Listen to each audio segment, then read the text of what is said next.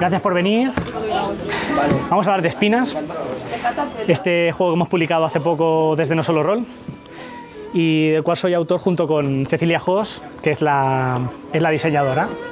Que, bueno, como anécdota, normalmente pues, a, los diseñadores no se le ponen en, las portadas ni en las cajas, ¿vale? Sí que se empieza a poner a los traductores, a los correctores, para los diseñadores muy pocas veces, o como mucho adentro. Pero en no solo rol pues hay una política mucho de, que el ilustrador y el diseñador pues también pase como muy a, primera fila y aparte Cecilia Hoss en este en este juego, pues para mí es media vida, ¿no? Pues porque es un juego que tiene que inspirarte mucho, muy visual, ¿no? Y ha hecho un trabajo pues extraordinario. La intención de hoy es eh, hablaros un poquito de cómo se gestó Espinas, que creo que, tiene un punto curioso, sobre todo para los que seáis de Tarrasa o de, o de alrededores, y, y, luego probarlo. Si somos suficientes, podemos probarlo porque es un juego entre 3 y 6 personas y lo probamos y vemos un poquito cómo funciona y, así os hacéis una idea. Bueno, pues espinas. Eh, para empezar, creo que, aunque no queda muy bien la palabra, creo que es un poco un juego, un juego aberración en cuanto a que no es un juego muy típico. O sea, aberración porque es un juego de terror, tiene ese rollo ¿no? del terror y tal, pero también porque es un juego que creo que, sus mecánicas pues, no, están muy vistas. ¿no? Por un lado es un juego narrativo, pero luego es un juego que, tiene que ver con, con, memoria, ¿no? es un memo, o un extraño memo. ¿no? Y yo personalmente no conozco ninguno con estas mecánicas. Y yo creo que también la gracia es que nació de una persona como yo que tampoco conoce mucho los juegos de mesa, pero sí mucho los juegos de rol y entonces pues tuve esa necesidad de, de juntar las dos cosas. ¿no? Y aquí en, las imágenes pues os, las he traído porque Spinner nació hace no sé cuántos años puede ser, 10 años o más, ¿no? O más, 15, ¿no? Y, y nació pues porque solíamos juntarnos las, las, noches de Halloween con los amigos, pero no todo el mundo era, era rolero, ni siquiera había gente que solía jugar y decidí hacer algo pues, que fuera como muy asequible para, para, el personal, pero sin abandonar lo que a mí me gustaba, que era explicar historias de, de terror ¿no? esa noche. Y entonces, pues, algunas de las personas que estaban aquí esta noche están, están aquí, ¿no? Y, pero Espinas, lo, lo, que es Espinas aquí, lo que hay en la caja, es, diría casi un 80% ya estaba ahí, en esa noche cuando jugamos, ¿no? Y bueno, podéis ver las caras, pasamos un buen rato. Lo que pasa que tenía pues tenía pues cosas raras, ¿no? No, estaba pensado para que funcionara, para, para, venderlo ni nada, y por ejemplo era para 10 personas, en un juego pensado para 10. Si jugaba menos gente no tenía tanta gracia, ¿no? Por las mecánicas que tenía. Pero claro, un juego que vas a vender en la calle y para que pueda jugar muchos tipos de gente, pues tenía que, adecuarse a que jugaran menos personas. Y uno de los esfuerzos que se ha hecho con la nueva edición es que se pueda jugar entre 3 y 6 personas, que creo que es un, es un ratio interesante, ¿no? Bueno, como veis, se pasó algo de miedillo, ¿no? Espinas lo que tiene es que, claro, evidentemente explora el terror, pero el componente de memoria, curiosamente, y hasta que no se prueba, no se vive, eh, está hecho como muy a mala leche. Porque, claro, los juegos narrativos normalmente te ponen mecánicas para inspirarte, para imaginarte cosas, pero, ¿qué pasa? Que tampoco te asegura que la gente esté 100% conectada al juego, ¿no? Espinas, como te obliga a recordar lo que está pasando en todo momento, sí, porque si no morirás, pues la gente tiene que estar atenta sí o sí. Y eso genera una especie de, tensión que, la gente interpreta como un poquillo del miedo de la historia, ¿no? Y, y es, ese miedo que te ríes, ¿no? Madre mía, vamos a pillar, ¿no?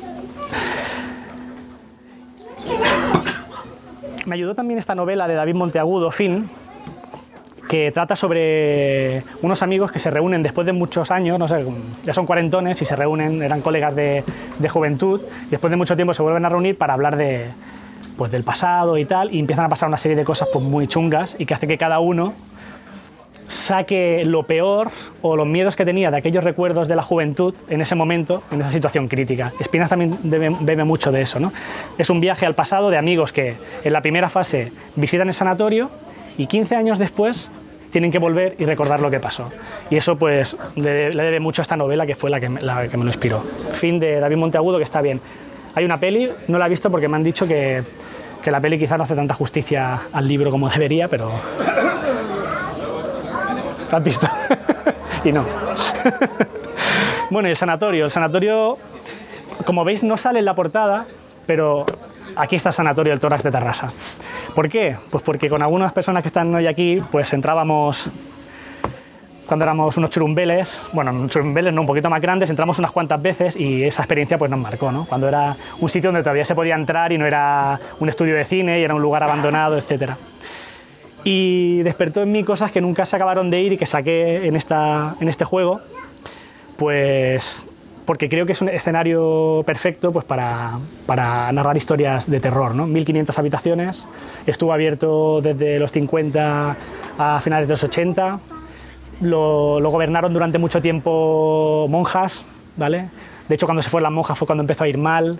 Fue el sitio que durante 10 años tuvo la mala reputación de, la, mayor cantidad de suicidios en España. Eh, bueno, está lleno de leyendas, como todos sabéis, han hecho reportajes. Y bueno, una parte de eso está aquí. Y lo único que no hemos decidido ponerlo explícitamente porque queríamos deslocalizarlo, que cada uno pues pusiera el sanatorio que tuviera en mente, porque no sabemos dónde acabará Espinas, ¿no? Lo mismo, pues no sé, en Badajoz tienen al lado lo que están jugando, pues un sanatorio que a ellos les mola y también tiene sus leyendas, pues que lo puedan, lo puedan adecuar. De todas maneras, el que sea friki del sanatorio del tórax, en las cartas encontrará cosas que le recordarán a cosas que pues solo están ahí o que solo se podían vivir ahí, ¿no? Y ahora pues ya paso, bueno, antes de pasar a explicaros cómo funciona, está el aspecto que tenía Espinas en su primera edición. Todo blanco y negro, eran fotos que le pedía a un chico que hizo fotos en el sanatorio, muy arcaico, pero como, ve, como veréis, se parece mucho a cómo ha acabado siendo, lo único que ahora es más bonito. Ahora es así, ¿vale? Y os voy a enseñar los componentes en vivo. Emoción. Bueno, hay un libreto de 20 páginas. 20 mm, páginas no significa que sea muy difícil de jugar, el juego es muy, muy sencillo, creo yo, porque yo soy muy malo para las reglas, o sea que si las he escrito yo es que tiene que ser sencillo. Describe las cartas, describe las dos fases del juego, pero da muchos consejos, porque es un juego narrativo y tiene pues dos o tres aspectos que si lo sabes tratar, la experiencia se multiplica. Entonces pues yo quise que, eso se explicara pues con cierta soltura. Luego tenemos un tablero que os digo, sin conocer mucho todos los, juegos narrativos a fondo, pues tampoco es muy habitual. Juegos narrativos pues suelen funcionar más con cartas, o, pero tiene, tiene su sentido en espinas, ¿no? como veréis después. Y tiene dos caras. Una cara con 10 slots, con 10 casillas, y una cara con 7. La cara normal que nosotros recomendamos es la de 10, que es la experiencia que se diseñó originalmente, y la de 7 se supone que es más sencilla. Normalmente la gente empieza con el de 10 y luego dice, pues vamos al de 7, porque es bastante destroyer el juego, está hecho así. Creo que las películas y los relatos de terror están hechos para que lo pase muy mal la gente, ¿no? Pero bueno, eh, cada uno que lo ajuste un poco como a su conveniencia, ¿no? Y luego vienen pues una serie de marcadores que por un lado tenemos las treguas, que son estas manitas ensangrentadas, que servirán pues para evitar los peores efectos de, lo malo que nos puede pasar en la partida, que son es lo que se llama las espinas. Con esto nos, podemos salvar o nos puede ayudar a, que no sea tan malo.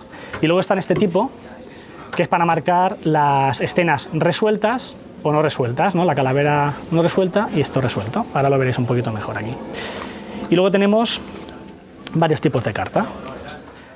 Estas que tienen como el edificio de un sanatorio son cartas de escenario y las hay de tres tipos. Las de entrada, estas más grises son de escenario normal, dentro de lo normal que pueden ser los escenarios en un sanatorio abandonado y, maldito. Y estas también son de escenario, pero son más oscuras porque incluyen los escenarios más lúgubres. Y eso tiene un sentido. Hay un momento durante el juego donde salen a, relucir estas cartas. Luego tenemos cartas de personaje, que es donde se me ha visto un poquito el tema del roleo. ¿Vale? Y tenemos una serie de personajes que tienen una frasecita que define su personalidad, pero luego tiene pues, unos aspectos mecánicos de cómo comparten las treguas, que cada personaje los, comparte de una manera diferente. Por ejemplo, pues hay eh, gente pues, que es más egoísta y que a lo mejor solo, este tío, por ejemplo, solo la comparte, lo comparte con cualquiera menos con Héctor y con Nieves, que son más sus amigos. ¿no? O sea, eso va generando unas dinámicas. Hay gente que la reparte con todo el mundo, hay gente que solo puede repartir una pero con todo el mundo. Hay uno que no la reparte con nadie, que es el chulito del grupo, ¿no? que, es el, que es el Héctor. que solo mira por sí mismo. Entonces se va generando una dinámica que para que no es rolero de manera natural, pues ya le sale un poquito esa vena así más narrativa. ¿no?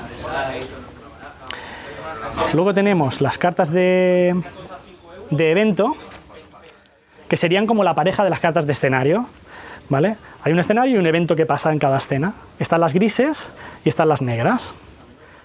Estos son los, event- los eventos más chungos y estos son los eventos más, más light. Y luego tenemos las cartas de espinas que dan nombre. Bueno, perdona. Primero las de regresión, que son las que nos ayudarán a recordar por horas las escenas en la segunda fase. Lo único que tienen son horas. Y las cartas de espinas. Eso es lo que se saca cuando lo hacemos mal. Y el sanatorio, cuyo objetivo es que recordemos lo que pasó aquella noche, si no lo hacemos bien, pues nos, nos clavará una espina, ¿vale? que son cosas funestas y luctuosas que ocurren. Estos son los, los componentes. Entonces es para jugadores adultos, evidentemente, por la temática. Es para grupos entre 3 y 6 personas, como os he dicho, y suele durar la experiencia alrededor de una hora. En el juego hemos puesto entre una y dos horas en la caja, pues porque yo la verdad normalmente siempre que juego una hora y cuarto o así. A no ser pues que a lo mejor pues ambientemos esto de manera excelente, la gente juegue con muchas ganas de narrar y tal, pues se puede dar el caso yo creo de que se pueda jugar dos horas, pero yo creo que se acerca más a una hora que no, que no a dos horas. De hecho las reseñas que he visto ya que se han hecho es de gente que más o menos dice lo mismo que yo, hora y algo o así. ¿Cómo se juega? Hay básicamente dos fases muy sencillas, la fase de exploración y la fase de regresión. En la fase de exploración vamos a jugar con los personajes que escojamos, entrando por primera vez al sanatorio. Un grupo de amigos que por lo que sea entran al sanatorio. La historia que, nos inventemos va, puede dar la explicación de qué hacemos ahí o no, o directamente entramos en materia. ¿Vale? En la siguiente fase lo que haremos es recordar lo que, ha, ocurrido en la primera fase. Por lo tanto, debemos estar muy atentos en la primera fase todos a, a lo que vamos sacando en las cartas y a lo que va narrando cada uno. Así es como se dispone el tablero al principio. En medio ponemos un mazo de, de, cartas de escenario y un mazo de cartas de evento.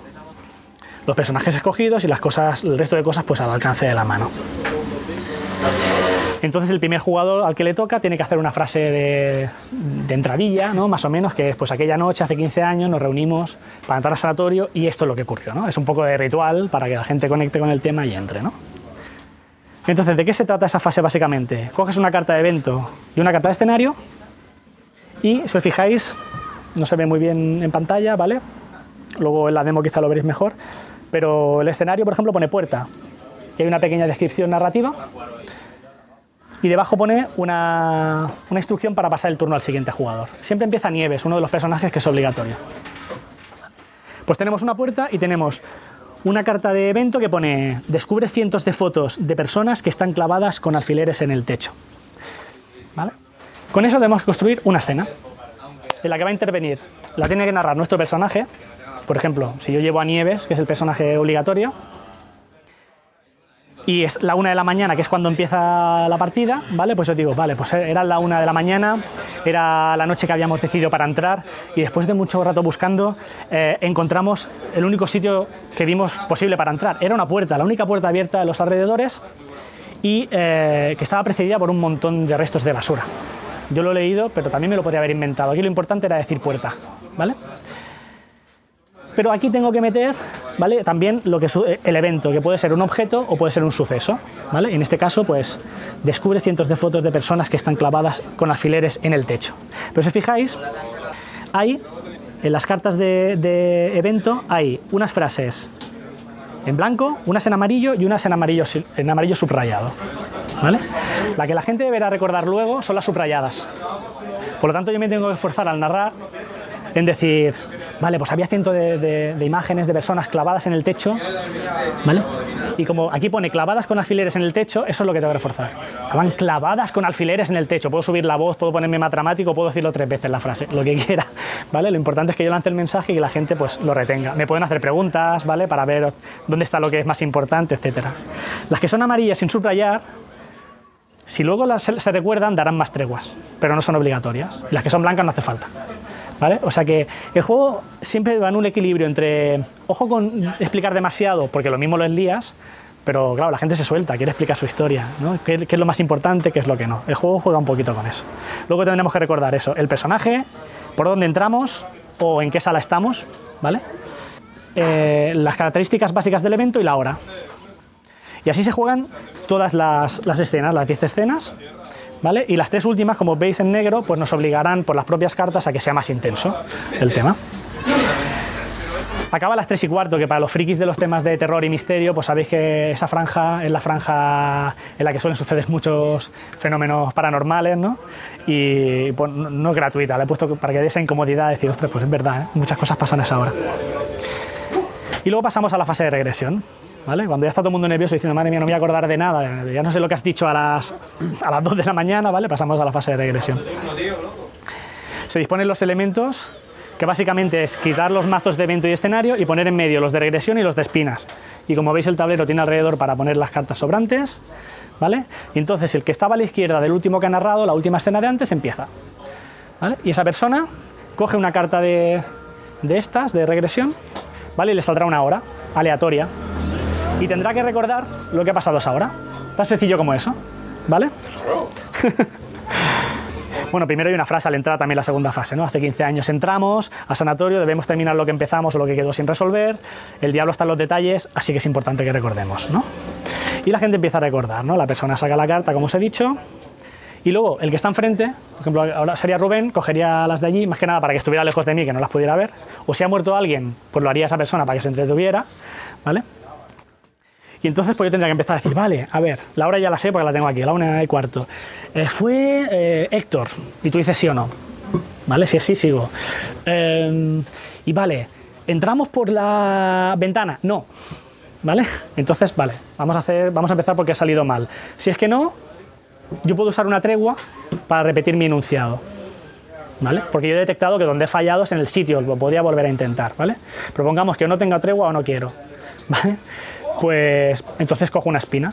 La espina me describe algo terrible que pasa, que eso lo veréis en la demo luego, pero básicamente es que aparece una cosa ultra chunga, sobrenatural la mayoría de veces y revienta. Puede morir una persona, dos personas o tres personas. Y esto es muy heavy, pero ¿qué pasa? El juego está pensado para que de salida los personajes tienen algunas treguas y hay algunos que incluso tienen el poder, todos tienen como un poderillo, que permite anular una espina. Entonces, si a la primera va, a morir alguien, Nieves lo puede salvar la primera, para que la gente se relaje un poco. Pero a partir de ahí ya solo intervienen las, las, treguas. ¿Vale? Y entonces todo va pasando así. ¿Vale? Si lo recuerda todo, pues gano las treguas que indique la carta de, de evento, que pueden ser cero, una o ninguna. Puede ser que no ganes nada, simplemente resuelvas la escena. Puede ser que ganes una o ganes dos.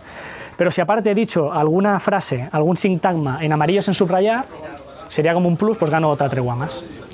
Y así va discurriendo todo y se van marcando pues resueltas, no resueltas. Si falla ya os he dicho lo que pasa. Y esto tiene dos escenarios posibles para acabar. O gana el mal, que se han muerto todos. Se han muerto todos, pues nada, nos llevamos la historia a casa y nos lo hemos pasado bien y tal, pero ha ganado el mal del sanatorio porque no, no hemos recordado lo que él quería. Si hay como mínimo un personaje vivo, porque esto, aunque no lo parezca, es un juego operativo, pues se pasa un recuento. Hay un sistema muy sencillito en el que según las cartas que te han quedado, las escenas resueltas, los personajes vivos, las espinas, etcétera, pues hace un recuentillo y puedes ganar una serie de puntos. En la versión larga el máximo son 100 y en la otra son 70 puntos a ganar.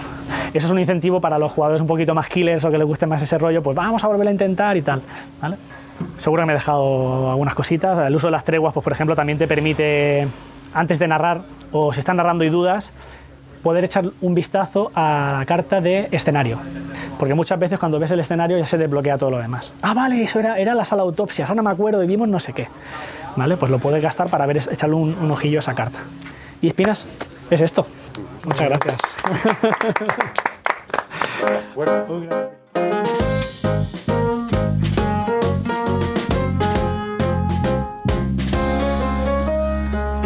Pues estamos en, la Andrómina, que es la, tienda de juegos de Tarrasa, y coincidimos con José Lomo, que, es eh, un terraseñ también, que yo le preguntaba, ¿es tu tienda de tu tienda de cabecera de juegos de mesa o la tienda de, juventud de juegos de mesa? Bueno, la Andrómina ha sido siempre una, tienda de referencia en Tarrasa. Eh, no fue la primera en vender rol, pero ha sido la que, la, que, le siguió y la que se ha mantenido a día de hoy. O sea que yo creo que para todo tarrasense es una tienda de referencia. Sí, sí. Pues eh, para presentar un poco a José Lomo, no solamente es el autor de Espinas y de otros juegos que luego nos dirás, sino que también es trabajador de No Solo Rol, la, editorial por donde surge Espinas, ¿no? Eso te ha facilitado seguramente podértelo editar, pero es un juego que tú ya tenías eh, construido de- desde hace mucho tiempo, ¿no? Sí, eh, nació como una iniciativa personal hace pues unos 15 años o así y lo creé para, para amenizar una, una velada de Halloween con, con los amigos y, y bueno, la verdad es que como ya por esa, por esa época pues ya estaba haciendo mis pinitos, publicando algunas cositas, sobre todo rol, pues ya le di un formato pues como bastante, bastante mono, vamos, que se podía probar y quedábamos con la gente y lo probábamos y tal, pero bueno, no ha sido hasta ahora con no solo rol que, pues, que me propusieron hacer una edición pues actualizada y, así ha sido como ha llegado ahora a, a las tiendas, ¿no? Con, con este formato, ¿no? Que a mí me parece que ha quedado pues lo que yo quería hacer al principio, ¿no? Unas bonitas cartas con unas bonitas ilustraciones que ayuden a, a imaginar eh, lo que necesitamos durante la historia que vamos a explicar, la historia de terror. En la caja la gente que lo vea tiene como dos subtítulos. Tiene una experiencia narrativa y luego una regresión al terror. ¿Podrías justificar estos dos subtítulos de Espinas? Sí, correcto. Eh, es bastante premeditado. Eh, lo de la experiencia narrativa es porque es un juego narrativo, eh, básicamente narrativo, y tiene mucho de rolero porque a mí me, me viene de ahí, pero no es un juego que obligatoriamente tenga que jugarlo personas que, que sean roleras. De hecho, se ha probado con personas que no lo son y les ha animado mucho ¿no? a explicar una historia. Y lo de la regresión es porque la segunda fase del juego, el juego tiene dos fases, es porque en la segunda fase del juego vamos a tener que recordar los detalles de la historia que hemos explicado en la primera fase. Y mm, fallar en, en- en- en esos recordatorios lo que va a hacer es invocar el terror que habita en el sanatorio. Tú, eh, como habitante de Tarrasa, eh, llegaste a entrar en el, en el hospital del tórax, que creo que es la experiencia que te sirvió para empezar a crear este juego, ¿no? Sí, entré pues dos o tres veces al hospital y, y, bueno, sin eso Espinas no, no- no estaría aquí. Eh, Fue una experiencia pues inquietante. Yo creo que cualquiera que haya entrado en aquella época en la que todavía se podía entrar, porque ahora pues es un lugar donde hay platos de, cine y oficinas de muchas empresas, pero en su día pues era un edificio a las afueras, rodeado de bosque, con 1.500 habitaciones, pues repleto de leyendas, ¿no? leyendas urbanas y pues lo que vivimos allí, aunque no pues tengo que admitir que no pasó nada sobrenatural, pero la inquietud que, que viví allí pues fueron fue la chispa que encendió pues todo esto y de hecho muchas de las cartas reflejan situaciones que vivimos allí o cosas que me inspiraron, ¿no? Según iba entrando en cada habitación. O sea que sí, le debe mucho al sanatorio del tórax. Por eso mismo, eh, por el tema peculiar que tiene, ¿tú crees que tendría el juego salida entre un público diferente al, al que juega a juegos de rol, a juegos narrativos o a juegos de mesa? Me refiero más a, a gente no jugadora, pero que le gusta el misterio. Pues lo he hablado con bastante gente esto. Yo creo que en realidad lo único que es imprescindible para jugar a espinas es que disfrutes con las historias de terror. Si te gustan las historias de terror y te dejas llevar por el juego, mm, rápidamente yo creo que lo disfrutas. Porque, bueno, pues porque la persona que lo ha hecho yo, pues es un aficionado al misterio de toda la vida y creo que lo he puesto fácil para que la gente conecte con ello. A nivel técnico, la rejugabilidad de un juego narrativo y que tira tanto de memoria y de cartas y tal, ¿cómo la ves? Y luego tú como autor, lo que ha quedado mejor y lo que ha quedado peor, ¿qué sería? Empiezo por el final. Respecto a lo que ha quedado mejor y peor, yo no me imaginaba nunca una edición tan bonita como la que ha quedado. O sea, me cuesta señalar lo peor. El diseño está muy bien, los materiales están muy bien. Lo único que todos quizás nos hemos quedado un poquito con las canas eh, en no solo roles, que quizá el tablero pues fuera un poco más espectacular. ¿vale? Cumple perfectamente su función, pero pues eh, no deja de ser pues un tablero plegable, sencillito y tal, que se ha hecho pues por- para que la, la edición pues tenga un precio, pues yo creo que irresistible, ¿no? Mm, 20 euros. Es lo, es lo único que mejoraría en una, en una nueva edición, salvo algunas ideas que también me están diciendo algunas personas muy interesantes para nuevas cartas y tal, ¿no? Y la rejugabilidad, eh, se ha hecho un esfuerzo grande para que las cartas sean muy variadas y por lo tanto eso tiene que dar pie sí o sí a que la, la historia siempre sea diferente, pero bueno, aparte también mm, cada historia, por, por la propia inercia que lleva el grupo de juego, siempre va a ser diferente. Yo llevo probando el juego mucho tiempo y no recuerdo ninguna partida igual. Aparte que la partida que hemos hecho se combina una carta de lugar con una carta de descripción de, lo que hay allí y aparte tiene que recordar la otra persona el personaje que ha entrado en ese lugar. O sea que siempre se recombinan tres cosas que yo creo que sí que le dan mucha rejugabilidad, ¿no? Exacto, se recombina la hora, el personaje que le ha narrado, el, el escenario y el evento. Y aún así, pues los eventos pues tienen como niveles, ¿no? Pues según cómo se juegue, pues te puedes centrar en, más en, ciertos detalles obligatorios o puedes ir a, a rizar el rizo e ir a, detalles más difíciles de recordar. O sea, dentro de la sencillez que propone el juego, pues hay varios niveles. Tú has tenido la facilidad de publicarlo gracias a, que trabajas en No Solo Rol, pero un juego tan trabajado con tanta historia y vinculación personal, ¿tú crees que lo habrías llegado a publicar fuera de No Solo Rol si, por ejemplo, no estuvieses trabajando en No Solo Rol? Bueno, de esta manera imposible. Para hacer un juego como este, pues tienes que trabajar con una empresa que sea capaz pues, de fabricar una caja, de, de fabricar unos tokens, más difícil de lo que parece, ¿no? Sí que la primera edición que sí que se distribuyó, se distribuyó Print and Play y la gente lo jugó y me llegaron comentarios, pero es que Spinas pide jugar con, con estos materiales, con las cartas, con un tablero, por lo tanto yo creo que esta es la, la, edición ideal, ¿no? Y que, y que la tiene que sacar una empresa que esté especializada en hacer juegos. Los autores muchas veces dicen que parten de la mecánica, de la temática, pero tú en este caso has partido de la experiencia, ¿no? ¿Crees que es una herramienta como para empezar a crear un juego, la experiencia, lo vivido? Yo creo que si haces un juego narrativo es básico, es fundamental. Yo más que diseñador de juego me considero escritor, redactor, no sé cómo decirlo.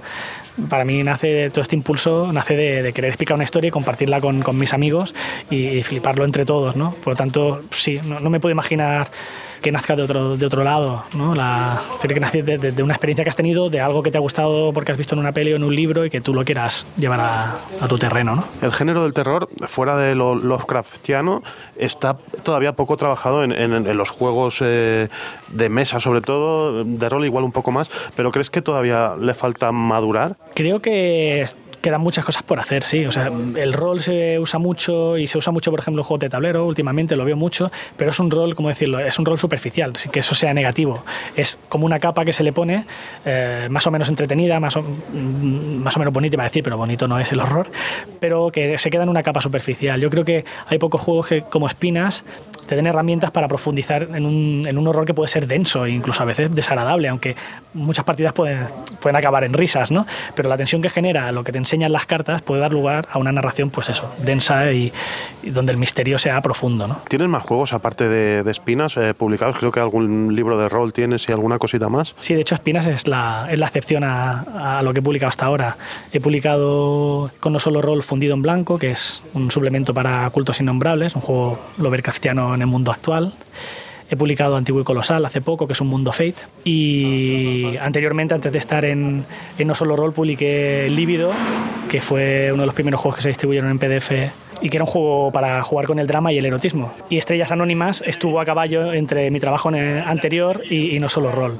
Estrellas Anónimas es un autojugable, un thriller que sucede en Nueva York, que quizá fue el que más me ayudó a, darme a conocer. ¿Tú crees que el rol vive el mismo momento dulce que está viviendo el juego de mesa o todavía le falta algo para despegar como ha despegado el juego de mesa? Yo creo que lo está viviendo, que a mí me está sorprendiendo. Juego desde los 13 años, ahora tengo 40, y yo creo que salvo lo que la gente cataloga como como la época dorada del rol. ¿no? Nunca había visto tanta gente jugar, pero es que además ahora tenemos mucha más variedad de juegos. Antes había mucha gente jugando y muy pocos juegos. Ahora hay mucha gente jugando y muchos juegos. Y eso para mí es bueno porque hay gente que puede decidir a qué jugar, ¿no? Y, se van creando como segmentos, ¿no? Más especializados y eso me parece pues muy interesante. ¿Es casualidad que la salida de Espinas haya sido en octubre, que es un mes así que viene Siches, que justamente ahora te vas a ir para, para, el festival, y luego Halloween, y que es un momento creo que ideal para jugar una partida de Espinas? No, no, no es casual. En principio, como te he dicho antes, nació para una noche de Halloween y, y la idea era pues empezar a sacarlo para que empezara a hacer ruido acercándose a la noche de Halloween. De hecho, mi primer consejo para el que se quiera acercar a Espinas es si lo puedes probar esa noche o, durante esas noches cercanas a, a, esa noche de difuntos, pues resulta ideal. ¿no? A mí me ha quedado claro que es como un juego casi casi ritual, ¿no? que te lo puedes guardar para esas noches especiales o para cuando vas a una casa rural y con un grupo también con que tengas bastante complicidad y es un juego para esos momentos especiales del año, ¿no? Sí, no sé, me encanta cómo, cómo lo has expresado porque mm, para mí lo es, o sea, jugar a Espinas es como una especie de, de modo mental en el que entras un rato con unos colegas, ¿no? Vas a explicar una historia y además cuando más favorezcas ese, ese ambiente, ¿no? Pues si pones unas velas, un poquito de música y tal, pues la verdad es que es una experiencia que, a la que se le coge cariño, ¿no? Que es difícil de, de olvidar. Eh, se acerca ya al Festival de Essen. Mm, Normalmente las editoriales de juegos de mesa van allí a hacer contactos e intentan también licenciar juegos que funcionan y este Espinas funciona. No sé si vosotros desde No Solo Roll tenéis intención de licenciar o se va a quedar solamente en el mercado español. Pues no te puedo responder mm, categóricamente esa pregunta porque no me encargo yo de eso, pero me consta que en No Solo Roll siempre se hace un esfuerzo muy grande por porque los juegos pues lleguen a otros países y, y se ha conseguido con, con bastantes referencias. Yo creo que Espinas tiene lo, lo necesario para que interese a nivel internacional. Habrá que ver si, si se consigue y se despierta interés. Porque sanatorios hay en todos sitios y, y terror también, ¿no? Correcto, aunque está inspirado en el sanatorio del tórax, el que sale en la portada de la caja es uno de los sanatorios más conocidos, que ahora no te sabe decir dónde está, está en Estados Unidos, pero no sé exactamente dónde, y es el que sale en la conocida película Sesión 9. O sea que creo que, cada zona tiene su sanatorio, su hospital abandonado, y donde cada uno podrá inventar su, su partidita. Pues antes de acabar, a mí me gustaría también felicitar particularmente a Cecilia Hoss, que creo que ha hecho un trabajo muy bueno porque de- desde la portada de las cartas, la parte trasera de las cartas que son como cintas de audio de los años 80, ¿no? Eh, para grabar esas sesiones de entrada en el sanatorio y tal, que creo que ha hecho un trabajo espléndido. Tú, no sé, eres compañero de ella en No Solo Rol, ¿la has elegido porque te coincidía que estabas al lado o porque es muy buena, que es lo que a mí me parece? Bueno, pues las dos cosas. Tenemos la suerte de que los compañeros de No Solo Rol, pues yo creo que saben mucho de lo suyo, son gente muy especializada y, bueno, Cecilia, no sé si es que he tenido suerte o cogió el, el trabajo con cariño, yo creo que siempre hace un muy buen trabajo, pero aquí yo creo que estuvo sembrada. Supongo que le gusta también mucho el terror como a mí y no, no tuvimos que discutir demasiado, fueron cuatro detalles que fue más por, supongo, por complacerme a mí el histórico del juego, que yo quería que las cosas fueran de cierta manera, pero fue todo muy rodado, ella pilló muy rápido el tono y se mostró pues como la, la profesional que es. Muchas gracias, José Lomo. Eh, nos están cerrando ya la Andrómina, nos vamos y, y seguro que va a haber alguna otra sesión de espinas. Pues cuando queráis, encantados y sobre todo eso, si podéis jugarlo en la noche de difuntos, yo creo que será una experiencia inolvidable. Gracias. Gracias a ti.